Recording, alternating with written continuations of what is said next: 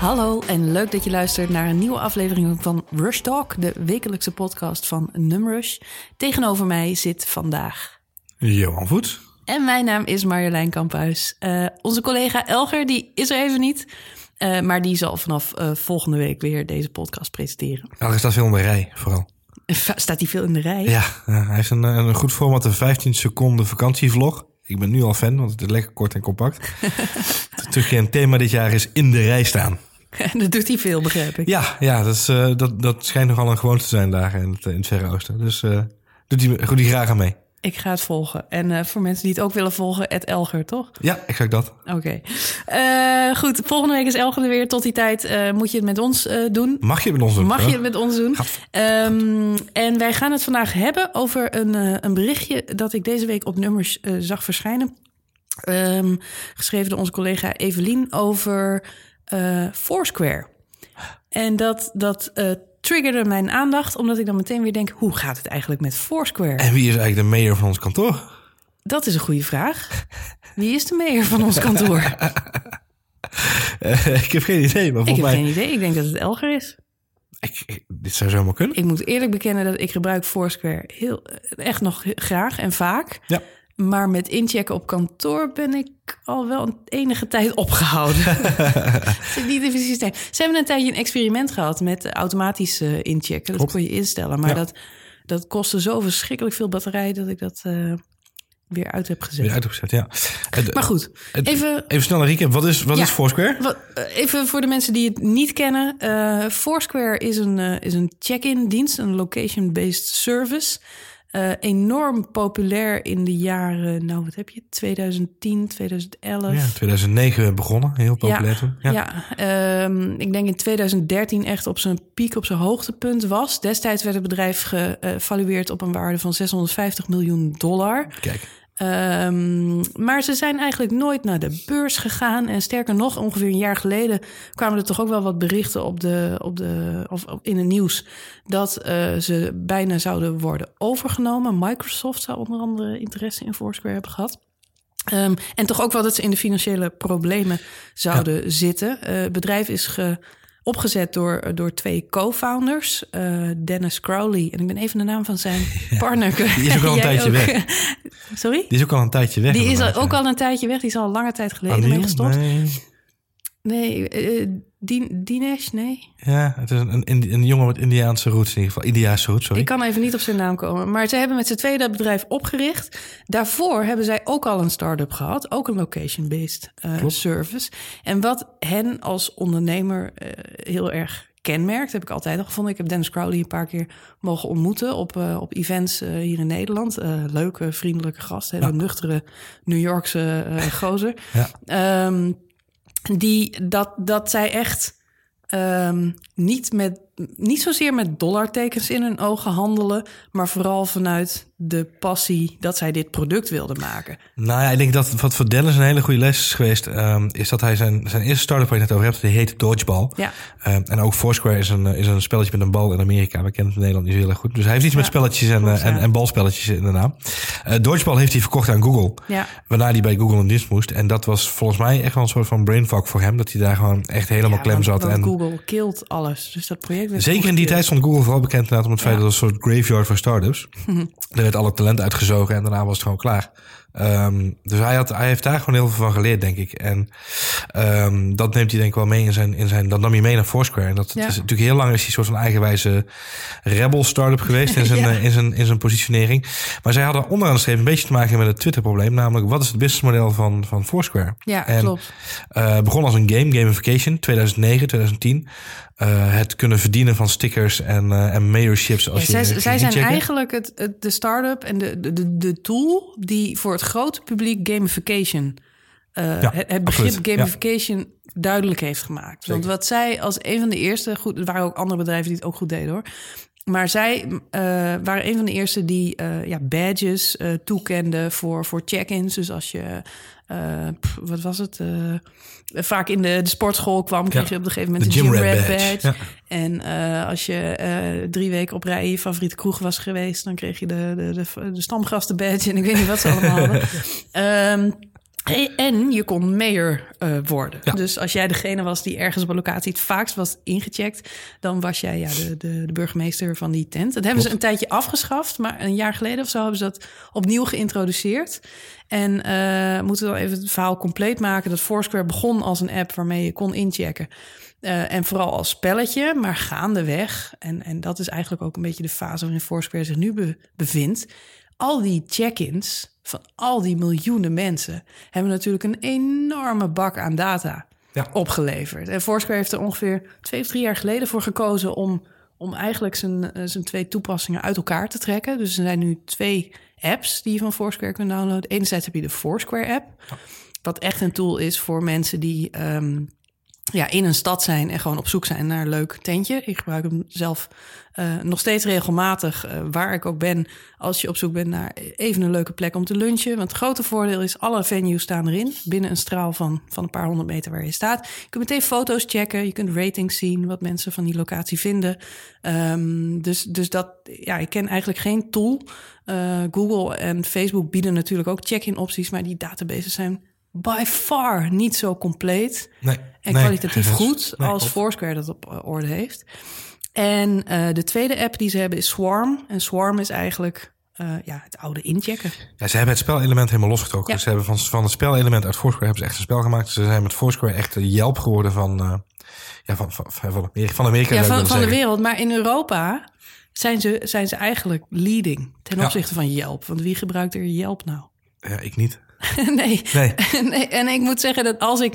Je hebt Yelp en uh, TripAdvisor. TripAdvisor ja. Um, maar als ik die... Die apps heb ik ook wel. Maar als ik daarnaar kijk, dan zie ik toch vooral heel veel obnoxious Amerikanen... die, die alles in Europa kloten vinden. Want de hotelkamers zijn te klein en de service is niet snel genoeg. Want in Amerika zijn ze gewend dat je binnen 30 minuten een restaurant in en uit bent. In en uit bent ja, dus alles in Italië en Frankrijk is sowieso te langzaam. Um, maar goed, dus, dus ik heb daar niet zoveel mee, omdat dat gedomineerd wordt eigenlijk door Amerikaanse toeristen. Waar, uh, waar Foursquare vind ik echt uh, waardevolle Nee, klopt. tips en informatie. Nou, wat ik denk wat interessant is, is dat um, uh, volgens mij is het inderdaad nu twee jaar geleden. En er ging een storm van kritiek over de interwebs. Want oh, wat deed Foursquare nu toch? En het was al zo'n slechte app. En het was al zo moeilijk. En ze hadden al zo'n problemen met monetizen. En ik denk onderaan de streep dat het de beste zet die ze hebben kunnen doen. En dat heb ik toen ook al een beetje gezegd. Omdat je twee verschillende markten bedient. Je hebt aan de ene kant heb je nou dat gamification stuk. Dat is hartstikke leuk. Lekker inchecken waar je bent. En uh, ik vind het zelf heel erg fijn om dat te doen. Om voor mezelf op een gegeven moment gewoon een soort van recommendation engine te hebben. Mm -hmm. Hey, je vindt dit leuk, dan vind je dat ook leuk. Ja. En daarmee maak je eigenlijk je Foursquare experience beter. Het klinkt zot. Het klinkt echt heel bizar dat je zegt... we hebben twee verschillende apps om één doel te bereiken onderaan de streep. Maar ik denk dat het voor de merendeel van de mensen ja, wel prettig werkt. Want er zijn gewoon een grote groep mensen. En dan heb ik het met name ja. over uh, uh, 30, 40 plussers. Want wij zijn ook 30 plus, maar 30, 40 plussers. Um, die helemaal niet zo zin hebben om Swarm te gebruiken. Maar die wel even willen weten. Leuke locatie, leuke tentjes in de buurt, et cetera. Nou, sterker nog. Ik denk, vorige week hadden we het over Twitter. En dat het niet zo goed gaat met Twitter. Um, en ik denk wat Foursquare zich heel goed gerealiseerd heeft, is precies wat jij zegt, dat ze twee publieken dienen.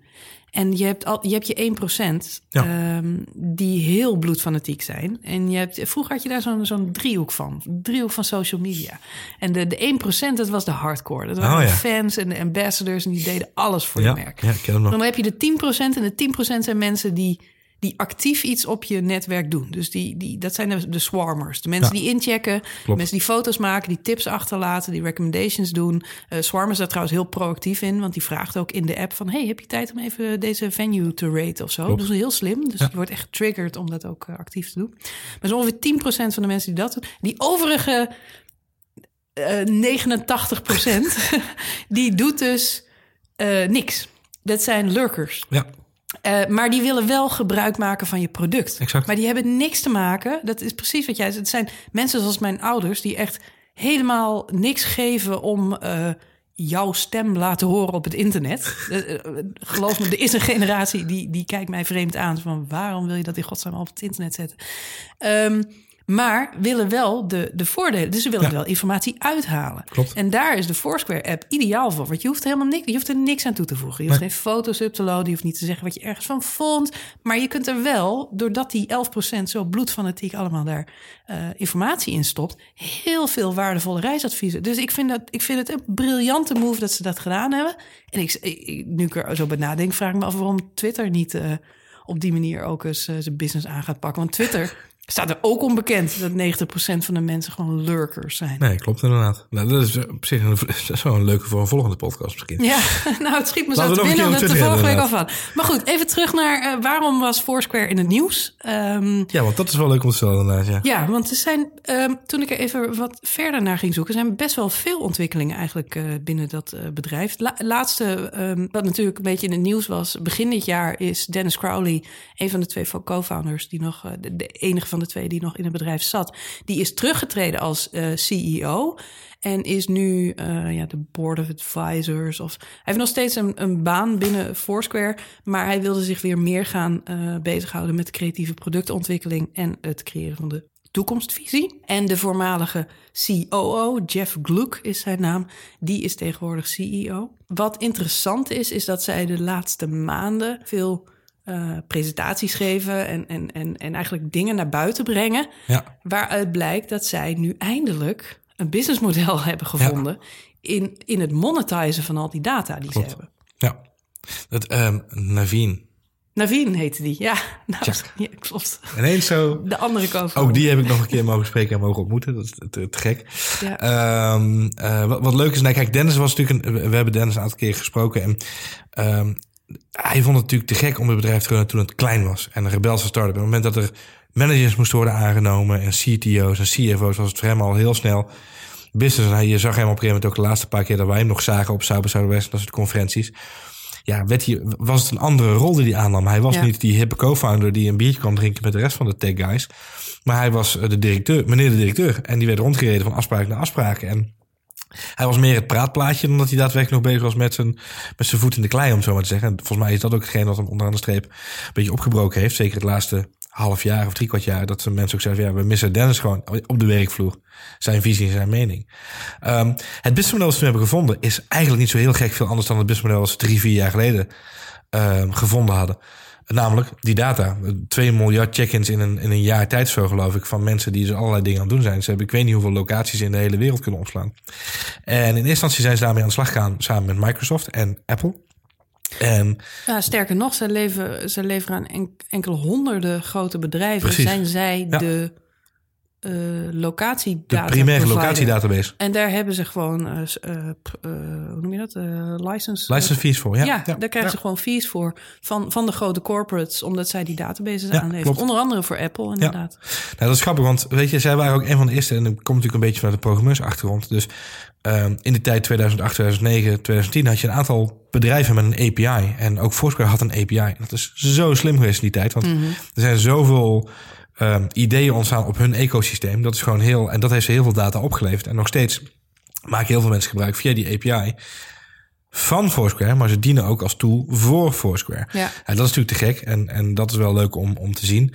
Ehm, eh, ze noemen zich tegenwoordig een, wat is het ook weer, een Location Information Ze zijn Company? de Location Intelligence Een Company. in- Intelligence Company. Een soort FBI, maar dan eh, geen, geen agency. Lik. De, de LIC. Ja. Location Intelligence. Ik kan er even van die afkorting werken, denk ik. Ja. Maar op Nou, zich, ze je, het, hebben- is wel, ze het hebben wel aantal- dat ze iets ze hebben hebben. verschillende businessmodellen hoor. Ze zijn met meerdere dingen. eh, en dat, dat zie je bij, bij veel, eh, bij veel start-ups en ook bij, bij mediabedrijven. Dat, dat ze proberen, ze gooien allerlei hengeltjes uit en ze kijken wat er het beste eh, werkt. Ik kan me herinneren dat ze ook met een aantal eh creditcardbedrijven hebben samengewerkt. Oh ja, en, ja, ja, ja. couponing acties. Ze hebben een tijd lang heel erg erop gezeten dat ze Foursquare eh, toegankelijk wilden maken voor echt het mainstream publiek. Nou, dat is precies de fase waar Twitter nu ook in zit en de fase waar Snapchat nu ook in gaat zitten, nu ze naar de beurs gaan. Ehm, en dat is, dat vind ik zelf altijd een soort fascinerende gedachte. Dat die Amerikanen zo bezeten zijn met... oké, het is leuk, we hebben de early adopters, die hebben we. Daar zijn 50 miljoen mensen. Who cares about 50 miljoen mensen? Het moet nog groter, het moet naar de massa. En Ja. Truus en Wilma, die moeten het ook gaan gebruiken. En ehm, Overigens, als je luistert, Truus Wilma, big up. We hebben het vaak over jullie. absoluut. Maar ehm, het, het, het, is, het hoeft niet het doel op zich te zijn als je ergens anders uh, je, je revenue uit kunt halen. Ja, maar dat is een, dat is een visie van, en wij komen natuurlijk vanuit de contenthoek, en, en dat is een visie die natuurlijk heel erg past bij nu. Je maakt een niche netwerk. En een niche hoeft niet per se klein te zijn, maar je, je richt je op een bepaalde... Als je maar de juiste niche aanspreekt. Juist, als je maar de juiste doelgroep aanspreekt. Als je je maar focust op een bepaalde... En de vraag is of je als Foursquare echt een couponing website was geworden... waar het echt even naar uitzag, hoor. Dat je, je kreeg dus... Uh, uh, als je incheckte bij de Starbucks... Uh, kreeg je 10% korting op je volgende koffie en dat soort dingen. Nou, als het echt daarin helemaal was doorgeslagen... en dat zagen ze zelf op een gegeven moment geloof ik ook wel, hoor... dan dan uh, was de kwaliteit van de data die zij verzamelden ja. was zo omlaag gegaan. Want de mensen die fan waren, die, die, die 11% die echt iets heeft met je merk en die daar met liefde aan bijdroeg, die, die zou zijn afgehaakt. Omdat het te groot, te commercieel, niet meer, niet meer hun clubje. Dus die zouden ermee stoppen. En de nieuwe aanwas van mensen, die zou zorgen voor minder kwalitatieve content. Lelijkere foto's, uh, uh, irrelevante dingen, spam, weet ik veel wat allemaal. Um, dus ik vind, ik vind het logisch dat ze daar niet op verder zijn gegaan. Waar ze nu wel op zitten, en, en dat past wel bij die location intelligence company die ze willen zijn, is dat ze helemaal in de business uh, intelligence uh, aan het gaan zijn. En, um, de LI in plaats van de BI. Ja, en toen ik daar uh, wat over las, viel me op dat ze de afgelopen maanden op tal van congressen gesproken hebben, zowel Dennis Crowley als um, Jeff Gluck, de nieuwe CEO, over wat Foursquare allemaal weet uh, van mensen en van bedrijven. En um, wat zij met die data kunnen doen aan voorspellingen. En uh, de case at hand die, die zij zelf presenteren is van het Amerikaanse fastfood uh, restaurant, de keten Chipotle. Chipotle, Chipotle, Chipotle. Ja. een Mexicaanse fastfood restaurant. waren in 2015 veel in het nieuws in Amerika, omdat zij ehm, uh, iets met hygiëne was niet op orde. Dus uh, dan moest je niet gaan eten, want dat was toch een beetje uh, smerig. Um, en toen dat zo in het nieuws was, heeft Foursquare een forecast uitgedaan... waarin ze gezegd hebben van nou, um, je kunt ervan uitgaan dat binnen nu en zes maanden... je bezoekcijfers met 30% gaan afnemen. Ja. En dat bleek uiteindelijk ook exact de waarheid. En Foursquare heeft die data omdat ze eigenlijk ja, binnen de, periode dat zoiets begint te spelen, dat die nieuwsberichten naar buiten komen, uh, zij monitoren alles. Zij, weten de, de check-ins van een locatie. Daarnaast is Foursquare op dit moment zo intelligent, of nou ja, zo, zo intelligent is het ook weer niet, maar ze, ze, uh, uh, ze weten automatisch wat de openingstijden van een locatie zijn. Um, ze weten uh, als er een nieuwe venue ergens uh, ontstaat, want vaak vroegen dat mensen heel snel naartoe. Ze weten als een venue gesloten is, of als hij verhuisd is, of als hij niet meer bestaat. Um, en op, ja, er is, er is geen. Het is menselijk bijna onmogelijk om dat, om dat in de database te gaan zitten invoeren. Maar omdat zij 50 miljoen gebruikers hebben. Ja. Uh, krijgen zij die data uh, binnen. En uh, zien ze dus, als er dat soort berichten in de media zijn, direct de afname in het publiek en kunnen ze voorspellen eigenlijk wat de impact daarvan gaat, uh, gaat zijn. Hebben ze niet alleen voor Chipotle gedaan. Ik begreep dat ze voor McDonald's ook al dergelijke forecasts maken. En voor Apple stores doen ze het ook. Ja, er zal nu wel een run zijn op nieuwe MacBooks. Toch? Ja. Zeg. Fascinerend. Ja, ik vind het fascinerend. Ik, ik vind het grappig, omdat... We, even een kleine side story, maar we hebben zelf een, uh, een start-up uh, Nee, het was een start-up, hè? Het was een start-up. En nu is, de, nu, is de, nou is de company. Oh, nou is de company. Okay. We run a company. we hebben uh, in 2011. Um, en dat is een app waarmee je in kunt checken wat je allemaal eet en drinkt. Een beetje geïnspireerd op Foursquare. Het is Foursquare for Food. Ja. Het is Foursquare for Food. Um, waarmee je incheckt wat je allemaal eet en drinkt. En daar ook badges voor kunt ontlokken. Waarbij onze filosofie heel erg was... Um, je, je, je volgt een dieet of je wil uh, gewoon überhaupt weten wat je binnenkrijgt aan, aan voedingswaarde, dan ga je dat een tijdje loggen, maar het moet wel leuk zijn. En je moet ook een soort beloning krijgen voor, voordat je dat bijhoudt en, en dat je gezond eetgedrag hebt. Dus dat, dat mechanisme leek ons erg leuk om uit te voeren. En dat blijkt in de praktijk ook heel erg te werken. Waar we waarschijnlijk een, een kleine onderschatting hebben gemaakt, is de hoeveelheid werk die het is om een voedingsdatabase eh, te beheren. Dat is een andere podcast, ja. ja maar het is de- In tegenstelling tot Ja. een locatiedatabase, waar je toch wel vanuit eh, van, van de mensen eigenlijk veel mag eh, en kunt verwachten. Foursquare is daar het beste voorbeeld van. Want elke locatie op de wereld wordt redelijk goed eh, eh, Ja. ja. bijgehouden. ja, de, de foutmarges zijn natuurlijk iets kleiner. Eh, een gebouw staat op een bepaalde plek.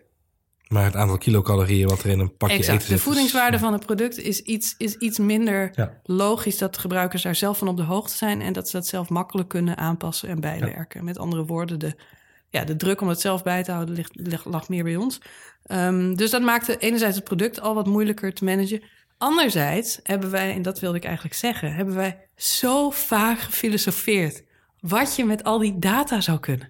Ja. De visualisaties Zeker. die je kunt maken als je weet wat mensen eten Nou, is fascinerend. Het blijft een fascinerend idee. Eh, en ik vind het cool. hè, En we hebben het daar met Foursquare destijds ook vaak over gehad. Van wat weten ze allemaal niet? En nu eindelijk, zeg maar, we zijn zes jaar verder. En eindelijk komt deze informatie naar buiten. langzaam maar zeker, langzaam maar zeker. Ik vind het wel leuk om dan twee, twee insight quotejes nog te geven. Eén is eh, eh, eh, het feit dat we wel geëxperimenteerd hebben met die data. Wat kunnen we daarmee? Ehm, en op een gegeven moment ook een presentatie hebben gehouden van... hey, weet je, als we het gewoon zelf gaan houden... en voor iedereen die, die Foodsie ooit gebruikt heeft... het was mijn eigen data. Dat maakt het verhaal ook veel leuker.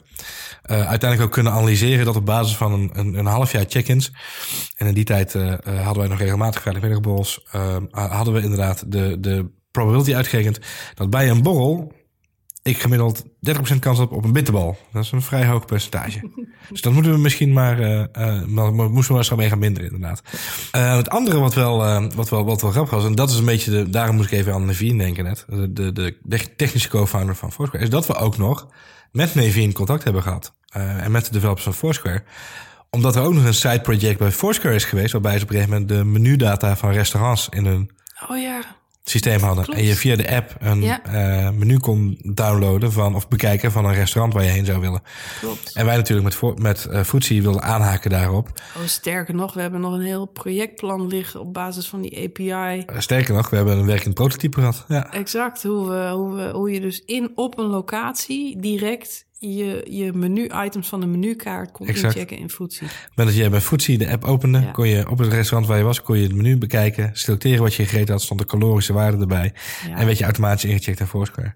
Ja, het blijft, het blijft, het blijft een gaaf concept. eh, maar de, s- de schaal, is het wel, hè? de Ja, waarop we af en toe dingen wilden doen. Ik vond het wel een heel leuk prototype om te bouwen, hoog. maar dat terzijde. Neem niet weg dat, eh dat, eh dat Foodsie in Nederland trouwens nog steeds erg veel gebruikt wordt. Dus als je de app een keer wil bekijken, kun je hem gewoon nog downloaden in de App Store. Waar we het bij Foodsie ook vaak over gehad hebben, en jij gaf dat net aan met, eh, met, met bitterbal, is eh, de, de kruisverbanden die er, die er bestaan tussen al die data. Hè? De, eh, ik vind het trouwens grappig, want als het over big data gaat, dan wordt nog steeds vaak Amazon als voorbeeld aangehaald. Namelijk, als je dit boek koopt, vind je dit ook leuk. Dat is altijd de case at hand, die nog steeds in presentaties heel vaak voorbij komt. Van ja, dat is toch wel een van de intelligentste dingen van het web. Inmiddels is dat verhaal, geloof ik, al bijna tien jaar oud. En mij, mij blijft het fascineren dat ik eh, op Amazon of op welke website dan ook nog steeds aanbiedingen krijg voor dingen die ik al lang gekocht heb. Of eh, Ja. dat ik echt denk van, jongen, jongen. Maar goed, ehm, Foursquare is daar wel stappen mee aan het maken. Met die kruisverbanden. Want een anders onderzoek wat, eh, wat ik geloof vorige maand of zo naar buiten is gekomen. Dat is, Foursquare weet niet alleen waar je incheckt, maar weet ook hoe je loopt. Want zij trekken dus ook eh, je data waar je, waar, ja, waar je verder nog allemaal begeeft... of waar je eventueel niet incheckt. Ja. Sterker nog, eh, we hadden het net over ehm, dat je pop-ups kreeg van... ben je hier toevallig geweest? Maar het is tegenwoordig zo, dat kun je aanzetten in Foursquare. Foursquare automatisch jou incheckt op locaties. Ja. Ehm, alleen dat is niet zichtbaar in je publieke tijdlijn. Klopt. Dus je moet maar eens opzoeken als je zelf gebruiker bent eh, van de app. Ehm, kun je precies nagaan, heeft hij toch een soort track record van jou bijgehouden... waar helemaal in staat welke venues je mogelijk bent zijn geweest. doet hij op basis van, die, eh, eh, van de locatiegegevens van je telefoon. Exact. Eh, dat is een, een API die Apple Exact. En je kunt dan Ja. zelf met terugwerkende kracht die, die locaties verifiëren of, of eruit gooien als je Ja, daar niet geweest klopt. bent. Soms klopt het niet helemaal. Maar het is grappig om te zien dat ineens een Albert Heijn of een winkel of iets waar je geweest Ja. bent, daar in, in die lijst staan. En die kun je dan, kun je dan voor kiezen om ze publiek te maken. Ehm, maar goed, die gegevens hebben ze dus van, eh, van hun gebruikers. Het is wel een oplossing trouwens, sorry dat ik je onderbreek, maar het is wel een oplossing voor het... Oh, ik ben vergeten in te checken syndroom. Ja, want wij hebben vaak... eh, eh, Hier klopt. zijn we ergens denken... vaak. Ja, als het goed is, kun je Oh, terug. zijn we vergeten te checken. Ja, ik, ik, ik realiseer me nu ook pas dat die feature erin Ja. in zit. Maar goed, Eh, dat bestaat dus. Goed, op basis van al die data die, eh, die Foursquare dus over je verzamelt... terwijl je over straat loopt of, eh, of op diverse locaties bent... eh, hebben ze onder andere een onderzoek gedaan naar de voorkeuren van ehm, bepaalde automerkrijders. Oh, jij joh? Ja, dus ze weten op basis van de auto die jij rijdt of die jouw voorkeur heeft, ook meer over jouw overige koopgedrag of bezoekgedrag. Ehm, dat hebben ze in, eh, in Amerika onderzocht. Ehm, onder andere kwam daaruit voort dat eh, Chevrolet-rijders over het algemeen ouder zijn dan 55 plus. ja. Ehm, en mensen die geïnteresseerd zijn in Chevrolet, die gaan ook graag naar eh, Cadillac en, en Ford. Chev- Chevrolet-kopers die gaan totaal niet naar Whole Foods winkels. Dat, dat is een mismatch. Die, die hebben helemaal niks met elkaar. Dus daar moet je geen brand partnership tussenop gaan zetten. Eh, maar ze komen wel vaak bij de Home Depot. Wie komt niet bij de Home Depot? Daarnaast gaan ze eh, eh, eh, regelma- zeer regelmatig naar het bos. 93% van de Chevrolet dealer bezoekers, want het gaat dus over mensen die een autodealer hebben bezocht. Eh, 93% gaat, ga- gaat graag naar het bos. 76% gaat regelmatig naar een jachtwinkel. Waar je jachtspullen kunt kopen. Oké, wacht even. Dit gaat nu een beetje lijken op een plot uit How to Make a Murderer. Als je gaat met een Chevrolet Met de en een Chevrolet jachtgeweer moet je dus uitkijken dat je niet in de achterbak van de Chevrolet plant. Ehm, ze gaan ook regelmatig, 75% gaat naar eh, motorwinkel en 74% naar viswinkels. Ja, ja, ja, dat gaat mis hier. Ja, dat is dit gewoon gaat het- helemaal mis. Nog één keer, dat klinkt als een refrein van een Eminem song. dit. De conclusie is Chevrolet-rijders zijn, over de, het, zijn, het zijn geloof ik ook... Zijn moorddadig. eh, nee, nee, het, zijn, het, zijn, het is wel 50-50 male-female. Maar goed, dat, ja, dat is het misschien ook omdat dat echt oudere echtparen zijn... die met z'n tweeën de dealer eh, bezoeken. Gezellig. Zijn over het algemeen boven de 55 plus. Gaan graag wandelen in het bo- bos, jagen en vissen. Ja, ja, en komen ze dan ook samen weer uit het bos, is de vraag. Of ligt er iemand met een vislijn ergens? eh, nou, ik wil er niet over nadenken. Maar goed, dit zijn insights die voor Chevrolet wel interessant zijn. Zeker, dan kunnen ze een partnership met Gastra aangaan. Land Rover en Jaguar eh, eh, liefhebbers. Ehm, Die hebben vaak een butler. Ja. nee, nou, 64% meer kans op het hebben van een, of op het bezoeken van een, ehm, een, eh, hoe noem je dat? Een sculpture garden. Oh, Een, een, een mooi aangelegde mooi tuin. beeldhouden, ja. Ja, Ja, nou, daar gaan ze graag naartoe. En daarnaast eten ze eh, graag in restaurants waar steak tartare wordt eh, geserveerd. Uiteraard, En eh, waar sigaren worden aangeboden. En restaurants met een Michelinster. dat is toch ook opvallend. Land Rover. Nou, dan weet je het. Ja. Dus eh, nou, ik vind dat eh, trouwens overigens mensen die van Land Rover en Jaguar houden, die gaan ook graag naar Porsche, Mini en Mercedes-Benz Audi. Dus dat is weer Maar interessant. ze zijn niet heel merken. begrijp ik, qua automerk. Ze zijn niet heel inkennig. Nee, nou, ze, dus they shop around. Eh, wil je er nog één? Ja, you're on fire. Ja, Toyota. Toyota-liefhebbers Yes. houden van Vietnamees eten. 89% Oké, van hen gaat graag naar de Vietnamees. oké. Ehm, ook Toyota-liefhebbers eh, zijn zeer aannemelijk om eh, een voetbalstadion te bezoeken. Tuurlijk. Eh, de sportschool. Waarom niet? En ze zitten vaker bij de Bank of America dan bij Chase of USPS. Nou, Nou, dat is interessante informatie. En, wel- mensen zou- die naar de Toyota-dealer gaan... ja? eh, Die komen vaak ook- huilend terug. Sorry? Die komen vaak huilend terug. Hey, zijn ook geïnteresseerd in Lexus, wat blijkbaar het moederbedrijf is van Toyota. Correct. Ja. Eh, Nissan en Mazda, wat allemaal Aziatische automerken Dat, zijn. ja, is- En betaalbaar, toch? Ja. Ja. Goed. enigszins. Ja, nou, Lexus is wat, wat hoger segment, maar niet heel veel. In Amerika sowieso niet. In Amerika ligt dat soms wat anders. Dus vandaar dat ik even de... de, de Ik vind het, hebben we dit ook van Nederland, eh, Marjolein? Want ik vind het een hele goede en opzomming. dat, maar en dat blijft dus wel het jammere aan Foursquare. En, mensen die naar de Febo gaan, die komen vaak in de PC Hoofdstraat. Maar dit is toch fascinerend. Wanneer... eh, Deze week was in het nieuws, eh, helaas, helaas, dat vind ik echt jammer. Het Nederlands hoofdkantoor van Twitter gaat sluiten. Ja. Waarschijnlijk. Ja, waarsch- weet je, wat, dit vind ik wel grappig, want wij, hebben erover geschreven. Eh, bij, bijna heel Media Nederland heeft erover Ja. geschreven. Maar er is niemand even voor die deur gaan staan afgelopen maandag om te kijken of je in Europa ging. Ik heb Nee, nergens de bevestiging nog de ontkenning ook gelezen. in spaces, in zo'n co-sharing. Dus dat, dat- Moet er iemand gezien hebben? nou moet iemand Als kijken. iemand, heeft iemand Heeft Mark de Vries naar zijn gezien? Mark de Vries wil graag opgehaald worden van zijn werk. Kan iemand hem even...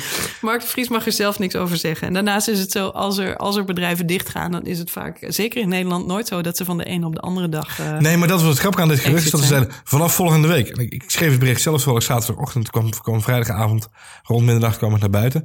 En ik, ik zag het zelf zaterdagochtend voorbij komen. Dus ik heb het gelijk even op nummers ook geschreven. En toen las ik inderdaad de volgende week al. Toen dacht ik, oh, dat is wel heel erg vlot, weet je Ja, wel. dat is erg snel. Maar goed, wat je vaak ziet, ik, eh, ik heb het zelf meegemaakt bij, eh, bij, bij Talpa. eh, Mhm. dat daar, ik werkte daar zelf toen al niet meer, maar veel van mijn collega's wel. En wat je vaak ziet is dat alle mensen die met productie te maken hebben, inderdaad per direct wel eh, iets anders eh, gaan doen Ja, ja. of, of stoppen. Maar je hebt altijd mensen die, eh, ja, hoe noem je dat? De, het clubhuis op moeten ruimen en eh, de administratie af moeten wikkelen. Als als de teel bij elkaar eh, uitschrijven ja, bij de precies. Belastingdienst, eh, weet ik veel. Dus eh, goed. Zij Ander discussie. verhaal, ander verhaal. Ja. Twitter Nederland gaat helaas eh, sluiten. Maar ik, ik zou het echt leuk vinden als Foursquare nu eindelijk eens gewoon naar Europa kwam. Want ze zijn hier al huge. Ehm, of ze specifiek naar Nederland moeten komen, eh, weet ik niet. Maar ik denk dat, dat deze data en als dit ja, verhaal ook in Nederland toepasbaar... dit is natuurlijk, dit zijn de insights waar elk bedrijf op zit te wachten. Ja, eens, eens. Wat, wat leuk is, ik, ik ben het met je eens. ik Moet je vind- denken wat V&D hiermee had gekund? Misschien waren ze nog geweest. ja, maar het waren huizen. Mensen die graag naar V&D gaan, gaan ook naar... Naar CNA? nee? PSC? Nee? niet. niet, naar de maar- afkortingen? hey, maar kijk, wat ik leuk vind is, ik, ik ben het met je eens, maar dit is van nu. Mhm. En ik was ook een beetje getriggerd door het nieuws van eh, eh, vandaag. Wat eh, uit, uit de podcast van Recode kwam, Recode Decode. En dat, is een- dat klinkt heel futuristisch, maar volgens Dennis Crowley valt het wel mee. En dat is het feit dat ze, ze hebben natuurlijk al van, van aan, we hebben het al even over gehad, die achtergrondcheck-in, de, de achtergrondcheck van waar ben je, waar ben je nu, Ja. welke locaties loop je langs. Op basis daarvan hebben ze al een aantal experimenten gedaan met het proactief je tips geven van waar je nu bent, wat je doet. En eh Dennis Crowley en zijn, zijn eh, huidige CEO hebben vandaag in een interview uitgesproken dat ze er eigenlijk voor zouden willen zorgen dat die assistent die ze hebben, die nu pushberichten geeft af en toe van hey, je bent in de buurt van eh, Café Tabak, wil je inchecken voor die bitterbal die je verdiend hebt, Johan Voets? Ehm, dat ze daar een spraakassistent van willen maken. Ja. Zoals Samantha in Her. Ja, klopt. Nou, dat is de referentie. Dat is een nieuwsbericht inderdaad wat deze week op nummer stond. De, de referentie die zij gemaakt hebben.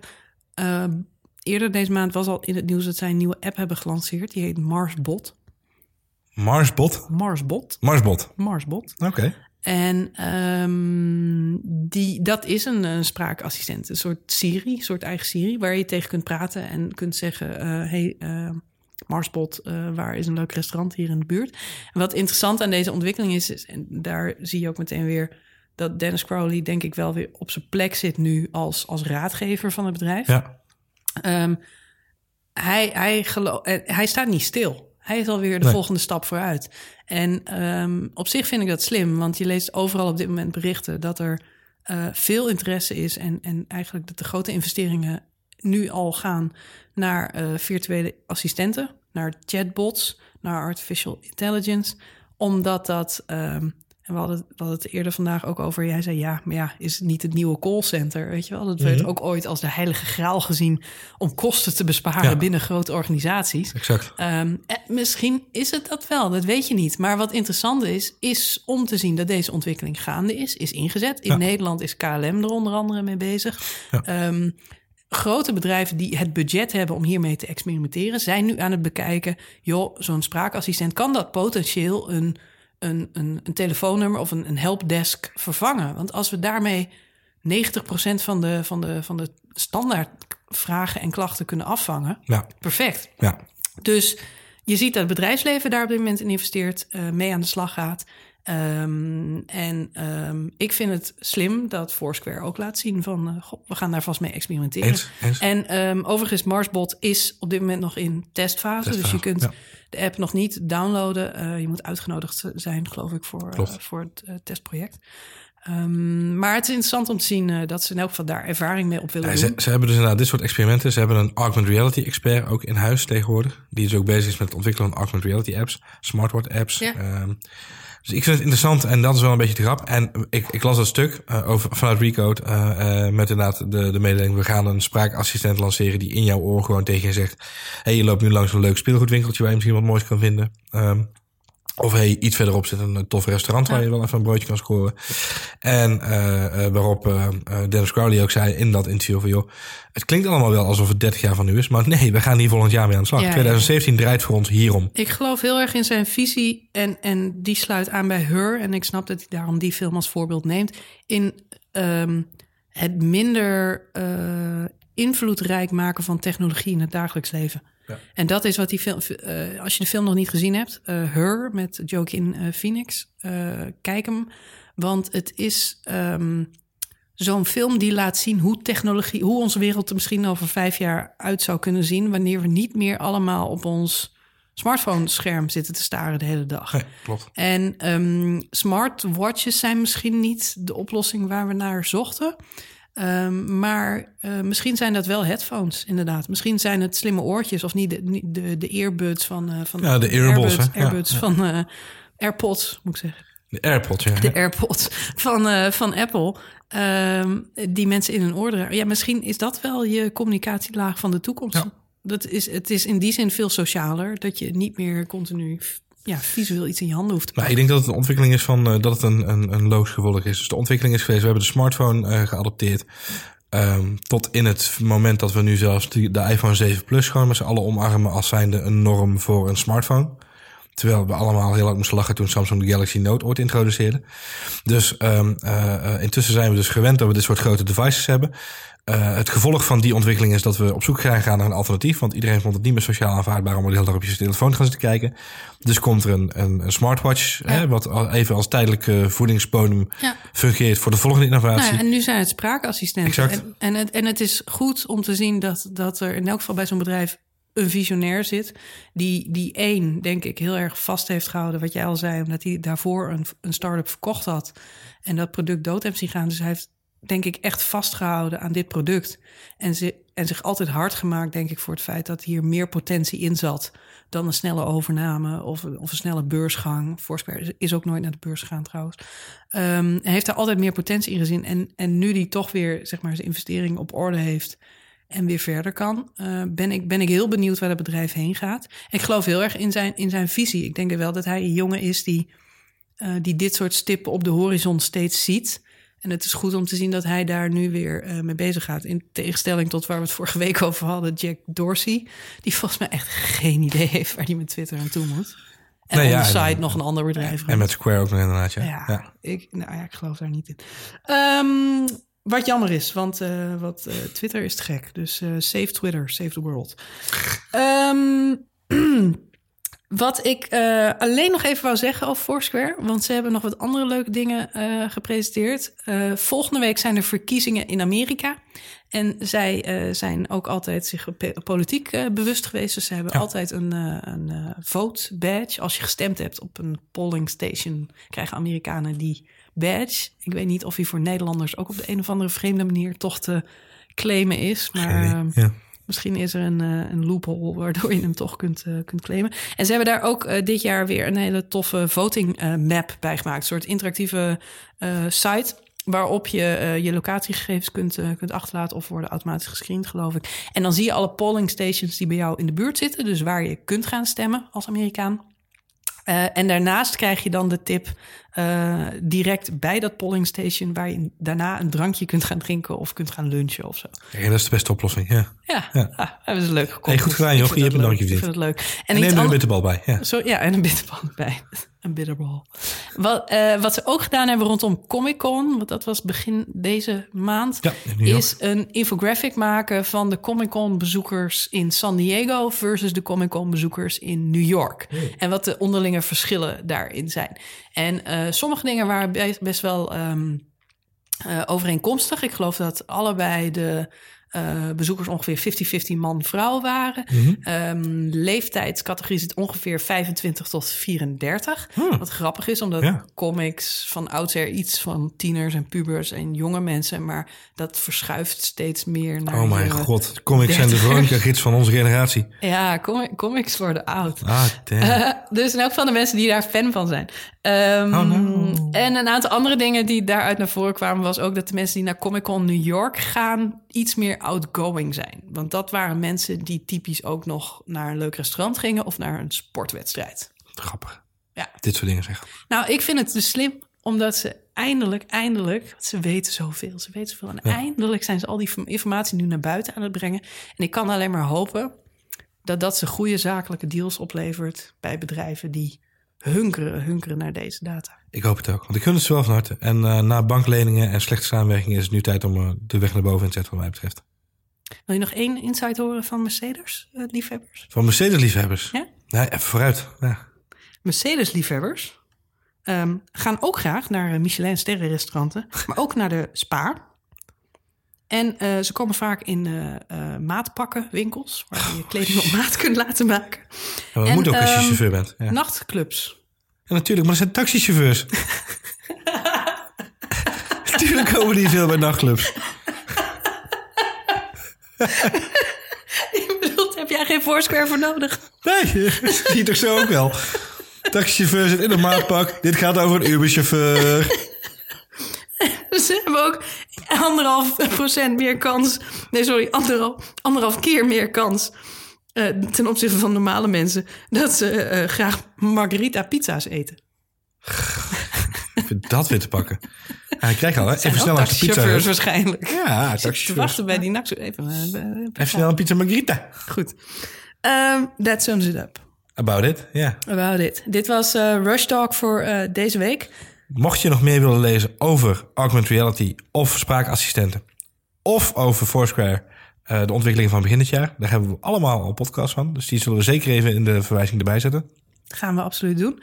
Volgende week eh, is Elger weer terug. Dus dan gaan we het met hem weer hebben over... Misschien wel over zijn avonturen in het Verre Oosten. Is gedaan met de rust. Ja, laten we het daarover hebben. Ja, ik ben benieuwd wat hij op technologisch vlak heeft eh, meegekregen daar. Buzz Lightyear zag ik op Facebook. Buslightje. Ja. Oh, nou deed ik dat gewoon. Nou goed. Hij is in Disneyland geweest. Dit was Rush Talk voor deze week. Leuk dat je luisterde. Eh, wil je ons volgen, dan kan dat uiteraard op nummers.nl, Twitter eh, slash nummers of Facebook slash nummers. En wil je reageren, dan kan dat naar Johan via Twitter. Ja, Twitter. Ik ben gek op Twitter. Save Twitter, save the world. Johan Voets. Of naar mij. En ik ben eh, gewoon Ed Marjolein. Ehm, en ik hoor jullie lange ei, hè? Met een, ja, met een lange ei. Niet er is ook een. Marjolein met een korte Er ei. is ook een Marjolein met Kortij. Maar die weet niet zo heel veel over deze podcast. Misschien wel leuk. Stel al je vragen deze week aan Marjolein met een korte ei. En Marjolein en Marjolein. En dan komt het vast zeker goed. Kijken wat er gebeurt. Leuk dat je luisterde. Graag tot volgende week.